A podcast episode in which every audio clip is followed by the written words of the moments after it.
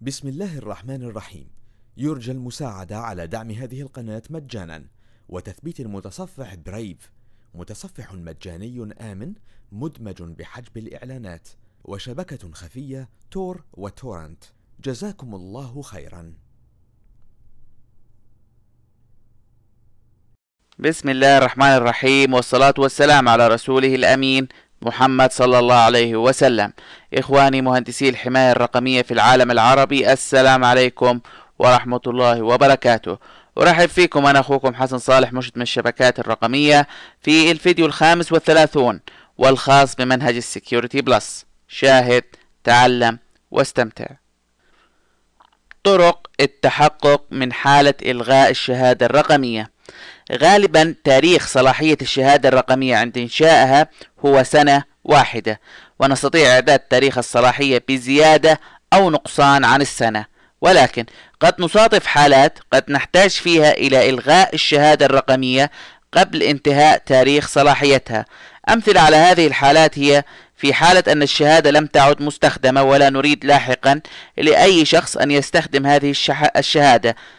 وال بحيث أنه لا يستخدم هذه الشهادة والمفتاح الموجود فيها في عملية تشفير البيانات. أو في حال كانت تفاصيل الشهادة تغيرت أو أن المستخدم قام بخطأ أدى إلى إفشاء المفتاح الخاص ال private key أو أن الشهادة تم سرقتها من ال certificate authority بعد أن نقوم بإلغاء الشهادة عندها كما كان ال certificate authority يؤكد على صحتها سوف يؤكد على إلغائها. ولكي يتحقق ال client من إلغاء الشهادة فهناك عدد من الطرق وهي مثل عندي ال CRL وقائمة إبطال الشهادة. ويتم من خلالها إعداد قاعدة بيانات ال CRL في داخل ال certificate authority فعندما يقوم ال client باستلام شهادة ويريد التأكد من صحتها أو عدم صحتها فهو سوف يقوم بإرسالها إلى ال certificate authority وسوف يتم أو سوف يقوم ال client لاحظوا عندي هنا الخطوات. الخطوة الأولى استلم جهة ال client من جهاز certificate فهو يريد التأكد من صلاحيتها فراح يتصل بال certificate authority server اللي راح يقوم بتنزيل ال CRL list أو قائمة ال CRL وراح يقوم بإنزالها بالكامل إلى ال client بعد كده ال client راح يقوم بالبحث بداخلها من ناحية آه، ما إذا كان هذه الشهادة اللي استلمها من ضمن الشهادات اللي تم إلغائها أم لا. لأن ال CRL list راح تحتوي على قائمة بالشهادات اللي تم إلغائها والتي صدرت من ال certificate authority server في حال لم يتمكن ال client من تنزيل قائمة ال CR فسوف يعتبر أن الشهادة صالحة رغم أنه تم تعطيلها. الطريقة الثانية في التأكد من أن الشهادة قد تم إبطالها وهي ال OCSP بروتوكول حالة الشهادة عبر الإنترنت وهي تمثل طريقة أخرى للتحقق من أن الشهادة قد تم إبطالها. وهنا ما سيتم هو أنه عندما يتم إرسال شهادة من ال client إلى ال certificate authority سوف يقوم من خلال ال OSCP والذي سوف يعتمد في بحثه عن الرقم التسلسلي للشهادة في داخل ال certificate authority server.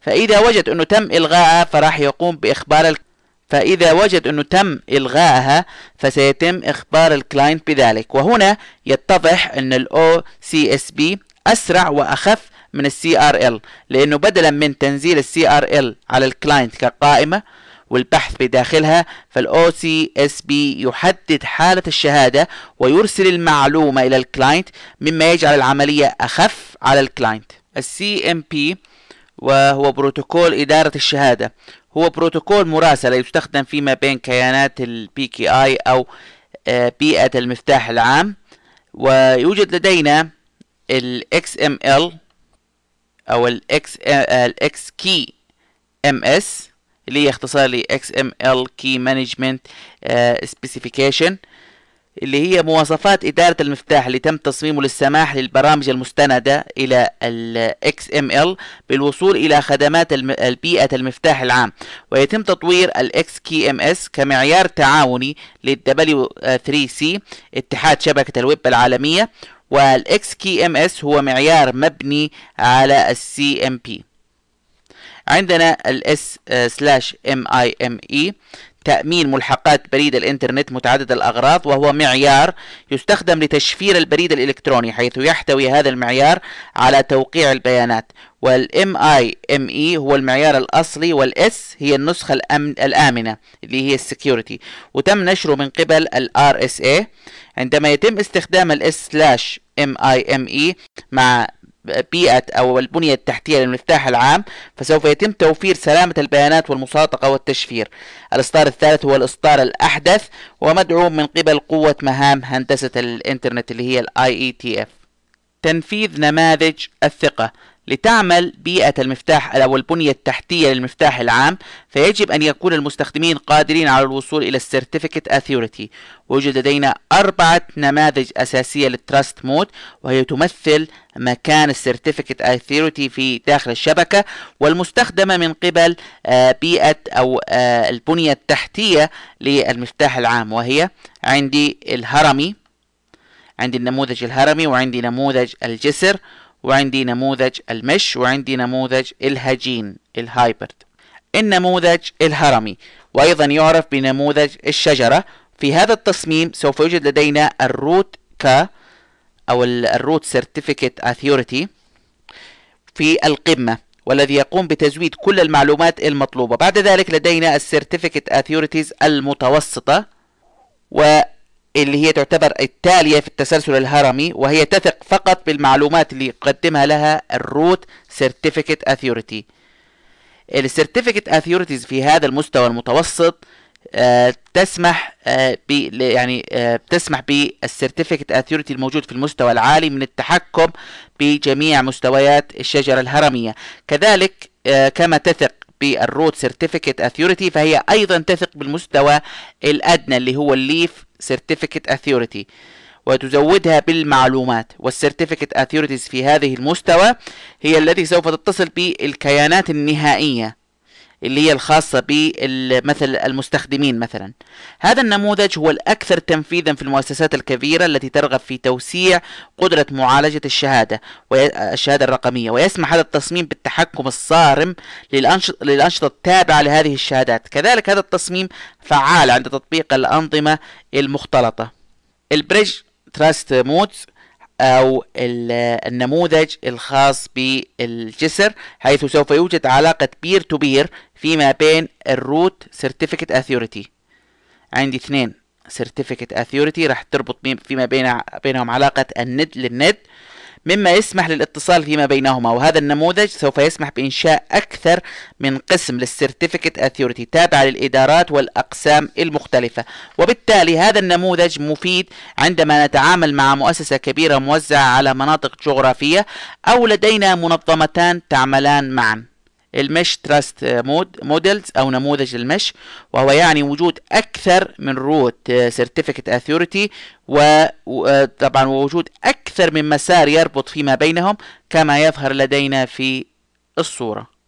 ال hybrid trust model وهو أن يجمع اثنين من النماذج السابقة أو ثلاثة معا.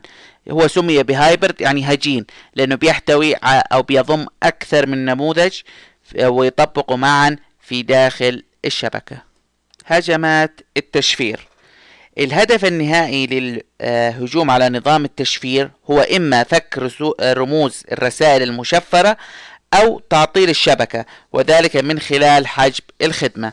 يمكننا تقسيم الهجمات المتعلقة بفك أو المتعلقة بالتشفير إلى ثلاثة أنواع وهي كالتالي النوع الأول اللي هو attacking the key أو الهجوم على المفتاح أو مهاجمة المفتاح وهو يستخدم لاكتشاف قيمة المفتاح. هذا المفتاح من الممكن أن يكون كلمة سر أو رسالة مشفرة أو معلومات تشفير تتمثل في طريقة التشفير.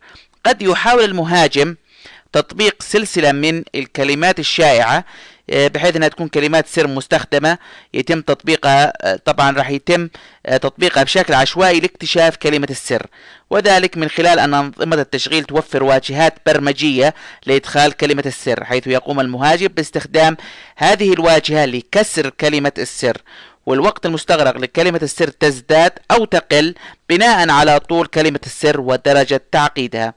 عندي النوع الثاني من الهجمات اللي هو بيستهدف الخوارزمية attacking the algorithm.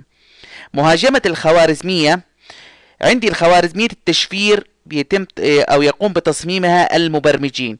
وهذه الخوارزمية قد يقوم المخترقين بالبحث عن نقاط ضعف موجودة فيها. إذا تم آه، اكتشاف آه، طبعا إذا تم اكتشافها ولم يقم المبرمجين بسد نقاط الضعف فعندها سوف يتمكن المخترق من كسر التشفير. النوع الثالث من أنواع الهجمات اللي هو اعتراض الانتقال. عندما يقوم المخترق باعتراض البيانات التي يتم تبادلها والتجسس عليها حتى لو كانت مشفرة فقد يصل بعد فترة من الزمن ولو من غير قصد أن يكتشف المخترق طريقة التشفير المستخدمة. وكلما زاد عدد المخترقين الذين يستطيعون اعتراض البيانات زاد احتمالية كسر الخوارزمية. كذلك الخطأ البشري هو أيضا مشكلة بحيث من المحتمل أن يقوم مستخدم بنشر معلومات عن غير قصد مما يؤدي إلى الإخلال بنظام الحماية. أمثلة على هجمات تستهدف التشفير لدينا مثلا هجوم آه، عيد الميلاد بيرثدي أتاك هو مثال على هجوم يستهدف المفتاح وبالتالي هو لا يستهدف الخوارزمية نفسها وإنما الناتج عن هذه الخوارزمية. وهجوم عيد الميلاد فكرة بنيت على فرضية تقول أنه إذا كان هناك مثلا 25 شخص في داخل غرفة فهناك احتمال بأنه سوف يوجد شخص واحد آه، أو عفوا شخصين يتشاركان في نفس عيد الميلاد. وتزداد نسبة هذه الاحتمالية كلما دخل أشخاص إضافيين في داخل الغرفة. هجمة عيد الميلاد تعمل على نفس الفرضية حيث تقوم بالحصول على نسخة من المفتاح هاش وتجزئته والبحث عن المتشابه فيما بين القيم لافتراض القيمة. ومع التحليل قد يتمكن من فك المفتاح وقد يكون هناك احتمالية لإنشاء قيمة أخرى تعطي نفس قيمة ال hash. عندي ال weak key attack هجمة المفتاح الضعيف. وهي تستند على فرضية أن العديد من كلمات السر الأكثر استخداما والشائعة لدى الكثير من الناس لذلك يتم استخدامها هذه الكلمات الشائعة في تخمين كلمة السر. كذلك عندما يكون المفتاح قصير فالهاش الناتج عن هذا المفتاح سوف يكون أسهل في التخمين. لذلك يجب التأكد من أن المستخدمين يستخدموا كلمات سر من الصعب تخمينها ومفاتيح طويلة ومن الممكن الاستعانة في بنظام توليد كلمة السر العشوائي. وكلما كانت كلمة السر أطول وأكثر تعقيدا وأكثر عشوائية كلما كانت درجة كسرها أصعب. عندنا النوع عندي نوع من الهجمات زي آه، هجمة آه، آه، أو الهجمة الرياضية. وهي تقوم بالتركيز على خوارزمية التشفير نفسها لمحاولة إيجاد أي نقطة ضعف موجودة في الخوارزمية. هذه الهجمات تستخدم النماذج الرياضية والتحليل الإحصائي لتحديد كيفية عمل الخوارزمية وتعتمد في ذلك على اعتراض كميات كبيرة من البيانات وذلك لتحليلها في محاولة لفك التشفير. معايير وبروتوكولات التشفير. يوجد لدينا معايير ومنظمات مسؤولة عنها وبحيث أنها تكون مسؤولة عن هذه المعايير والبروتوكولات الخاصة بالتشفير. تكلمنا عن بعضها وسوف نتكلم عنها آه، أيضا بعض منها كمراجعة. آه، معايير التشفير في بدايتها كانت مصممة لتأمين اتصالات الحكومية والجيش. لذلك سوف نجد أن الكثير من المعايير تم إنشائها من قبل الجهات الحكومية والعسكرية. راح نسلط الضوء هنا على دور الوكالات الحكومية فيما يتعلق بالعمليات التشفير. والمعايير الخاصة بها حيث تتشارك عدد من الوكالات الحكومية الأمريكية تحديدا في وضع أنظمة معايير آه، آمنة. وأهم هذه الوكالات هي كالتالي وكالة الأمن القومي ال NSA وهي تقوم بإنشاء أكواد التشفير وفك وكسر أكواد التشفير وهي المسؤولة عن أنظمة التشفير لحكومة الولايات المتحدة الأمريكية. ورغم ذلك ومنذ إنشاء ال NSA في عام 1952 إلا أنه لم تعترف الحكومة الأمريكية بها بشكل علني والمعلومات المتعلقة بال NSA هي منخفضة وذلك من باب السرية. ويقال عن ال NSA أنها هي أكبر جهة من ناحية عدد علماء الرياضيات الذين يعملون بداخلها. ال NSA مهام ال NSA هي سرية للغاية ولكن أصابعها موجودة في كل ما يتعلق بالتشفير للحكومة الأمريكية والمتعاقدين مع الحكومة والجيش. كذلك لديها تعاون واسع مع الوكالات الأجنبية. هناك اتهامات لل NSA بالتجسس الرقمي حول العالم وإطلاق الفيروسات وعمليات اختراق إلا أنها تظل اتهامات غير آه، مثبتة. وكالة الأمن الرقمي آه، خدمة الأمن المركزي اللي هي ال NSA سلاش CSS وهي وكالة مستقلة وجزء فعال من منظمة ال NSA وتم إنشائها في عام 1970 وهي للمساعدة في دعم أنشطة وزارة الدفاع الأمريكية وتوحيدها حيث يدعم ال NSA CSS جميع فروع الجيش حيث أنه سابقا كان لكل فرع من فروع الجيش الأمريكي أنشطة استخباراتية خاصة فيه. وفي كثير من الأحيان لم تكن هذه الفروع تنسق أنشطتها فيما بينها بالشكل الجيد. لذلك تم إنشاء ال NSA CSS للتنسيق فيما بين الفروع الجيش الأمريكي من ناحية فروع الاستخبارات المختلفة. المعهد الوطني للمعايير والتكنولوجيا اللي يعرف اختصارا بال NIST وكان يعرف سابقا بالمكتب الوطني للمعايير اللي هو كان يعرف اختصارا بال MBS ال MBS وتعتبر وقد شاركت في تطوير ودعم معايير الحكومة الأمريكية لأكثر من 100 سنة وأصبحت ال NIST مشاركة في معايير التشفير والأنظمة والتكنولوجيا في مجموعة متنوعة من المجالات في المقام الأول الخاص بالنظم الحكومية ومن ثم المجال الأمني العام. وأهم ما تقوم به ال NIST بنش بنشره هي معلومات حول الثغرات التي يتم اكتشافها سواء في أنظمة التشغيل أو التطبيقات. وبالتالي متابعتك لل NIST آه، سوف تكون مفيدة في تأمين أنظمة التشغيل أنظمة التشغيل لديك والتطبيقات لأنه دائما راح تكون على اطلاع من خلال موقع ال NIST بالثغرات الجديدة اللي تم اكتشافها وطريقة سد هذه الثغرات. اللي آه، تكلمنا عنه سابقا كان أهم المنظمات الحكومية. الآن راح ننتقل إلى الجمعيات الصناعية والعملية التنموية حيث دفعت الحاجة إلى الأمن في صناعات محددة مثل الصناعة المصرفية إلى تطوير المعايير.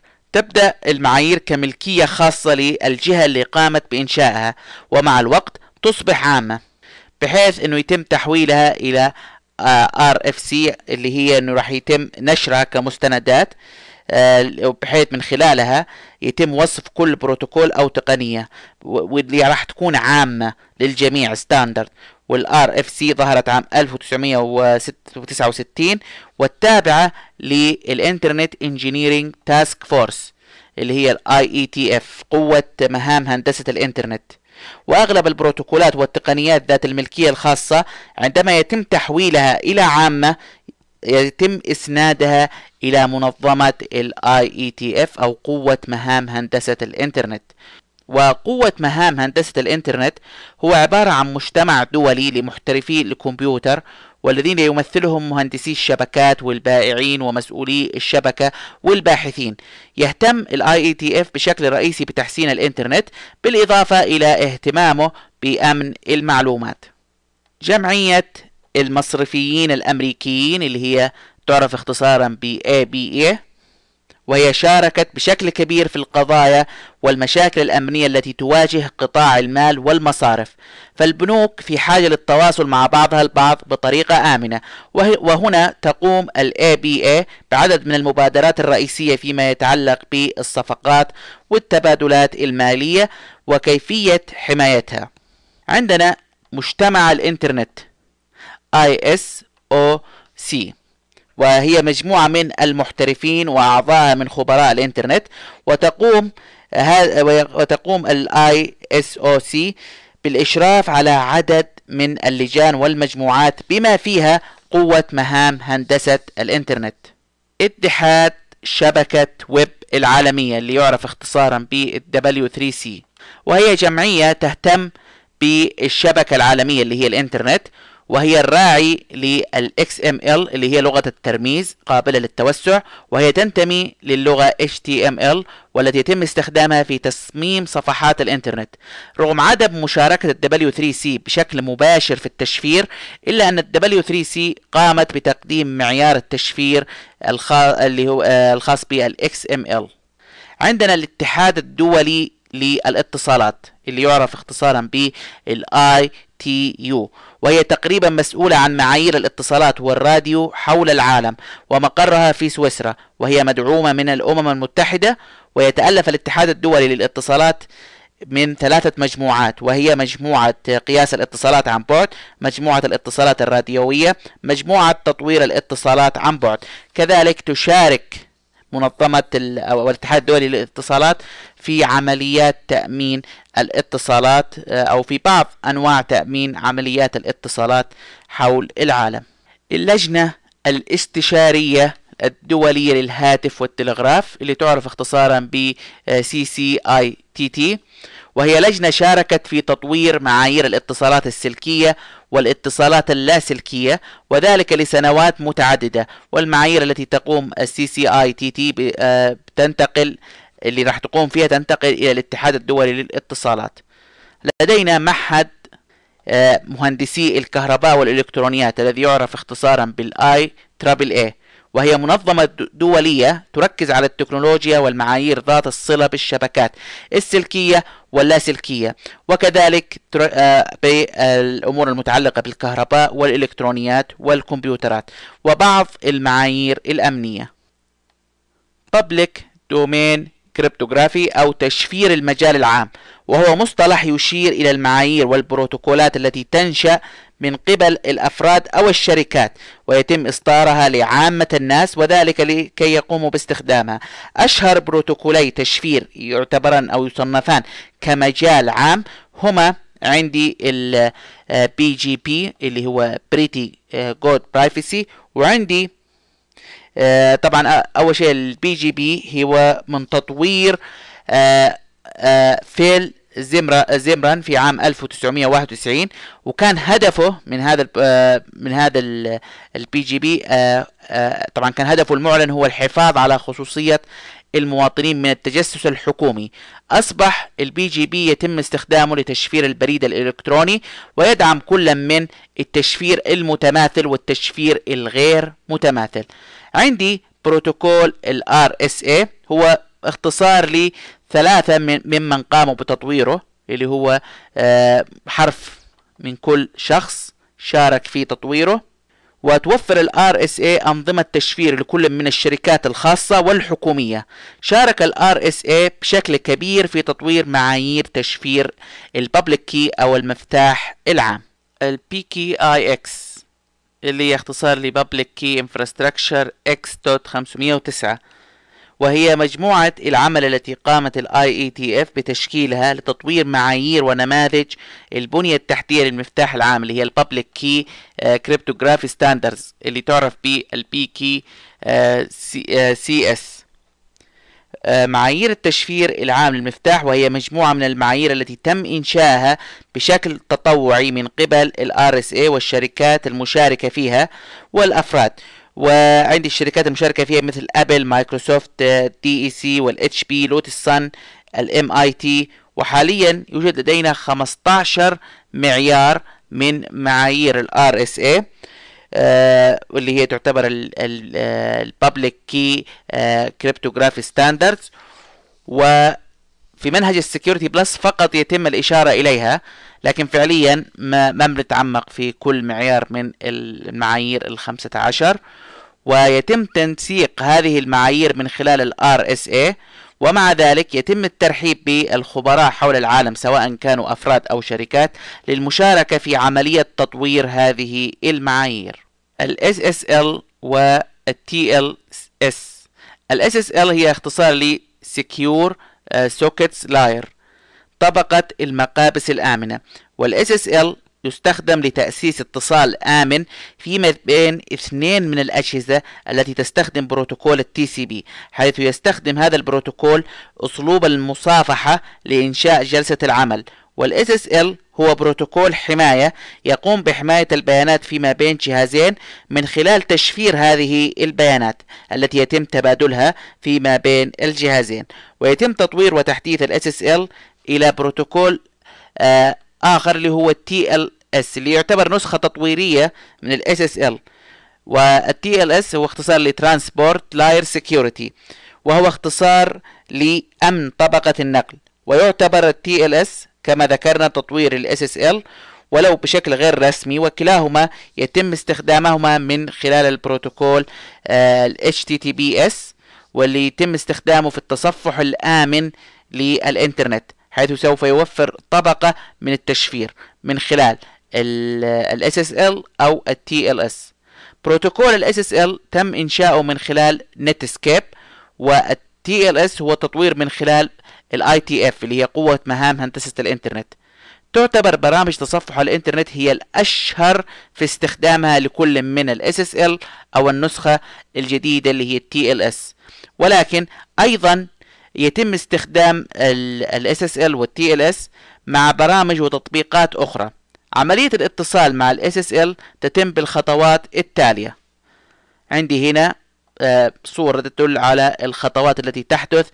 ضمن الاتصال الخاص بال SSL آه، عندي هنا عندما يقوم جهاز ال PC أو جهاز الكمبيوتر بطلب اتصال إلى ال server فال server سوف يقوم بإرسال رسالة إلى جهاز الكمبيوتر ال PC يخبر بأن هناك حاجة إلى اتصال آمن. جهاز ال PC سوف يرسل معلومات عن إمكانيات العميل الأمنية ك certificate كشهادة. ال server سوف يقوم بتقييم هذه ال certificate وسوف يرد بمفتاح الجلسة ومفتاح التشفير. وفي نهاية العملية سوف يتم إنشاء اتصال آمن فيما بين ال PC وال server. وسوف تظل هذه الجلسة مفتوحة حتى يقوم إحدى الطرفين بإغلاقها. وهذا يحدث عندما يتم إغلاق متصفح الإنترنت أو طلب عنوان موقع الإنترنت ال URL آه، أو إغلاق البرنامج المشغل آه، لل SSL بالنسبة لل TLS واللي يعرف باسم SSL 3.1 رغم عدم عمل ال TLS مع ال SSL وهو الذي حل لأنه يعتبر حل محل ال SSL فهنا راح يتم إنشاء الاتصال فيما بين ال PC وال server ومن ثم سوف يتبادلان مفتاح التشفير ومن ثم يتم إنشاء جلسة ال TLS في داخل الاتصال الذي يربط فيما بين الطرفين. ال SET اختصار ل Secure Electronic uh, Transaction المعاملات الإلكترونية الآمنة. وهو يوفر التشفير لأرقام بطاقات الائتمان التي يمكن أن تنتقل عبر الإنترنت. وتم تطوير ال SAT من قبل uh, شركتي فيزا ومستر كارد وأصبح معيار مقبول من قبل العديد من الشركات. ال SAT هو ملائم لنقل كميات صغيرة من البيانات ونجد أن ال SAT تعمل مع المحافظ الإلكترونية. لدينا المثال التالي اللي, إحنا اللي موجود أمامنا آه، حيث يقوم العميل بتأسيس محفظة إلكترونية يصدر يصدرها البنك للعميل. وعندما يرغب العميل في إجراء عملية شراء فسوف يتواصل مع التاجر وذلك بهدف الشراء. وسوف يقوم العميل بتقديم معلومات الائتمان للدفع. التاجر سوف يقوم بالاتصال بمعالج الائتمان لإكمال المعاملة وبالتالي سوف يحدث في هذه العملية تواصل فيما بين العميل والتاجر والبنك. وعملية معالجة الائتمان سوف تتم باستخدام تشفير ال SET ال SSH اختصار ل Secure Shell وهو Tunneling Protocol. يعني بروتوكول نفق كان مستخدم في أنظمة ال Unix وهي الآن متاحة في ال Windows مع ال Unix. عندما يكون لدينا أجهزة نتعامل معها من خلال الأوامر النصية وليس النوافذ الرسومية وهذه الأجهزة متباعدة من ناحية آه، المساحة يعني من ناحية الجغرافية. وهنا لدينا آه، طبعا آه، عشان نقدر نتصل عن بعد بهذا الجهاز لدينا ال Telnet وال SSH. بحيث عندي طبعا كلاهما بيستخدم في عملية التحكم والإعداد عن بعد. ولكن الفرق يتمثل في أن ال Telnet ينقل البيانات فيما بين الطرفين بنص واضح clear text مما يعتبر نقطة ضعف أمنية. والبديل الآمن هو بروتوكول ال SSH اللي Secure Shell حيث يقوم ال SSH بنفس عمل التنت. والإضافة هنا هي أنه سوف يتم تشفير البيانات فيما بين الطرفين ويتم اتصال ال SSH على مرحلتين المرحلة الأولى وهي إنشاء قناة اتصال آمنة للتفاوض المرحلة الثانية وهي إنشاء قناة آمنة لنقل البيانات والاتصال. نلاحظ هنا كمثال عندي آه، في البداية هذه المرحلة الأولى راح يتم عملية تفاوض بعد كده راح يتم إنشاء ال SSH tunnel نفق بحيث البيانات من خلاله راح تمر مشفرة. ومثلا آه، تنتقل لكي تنتقل إلى الإيميل سيرفر.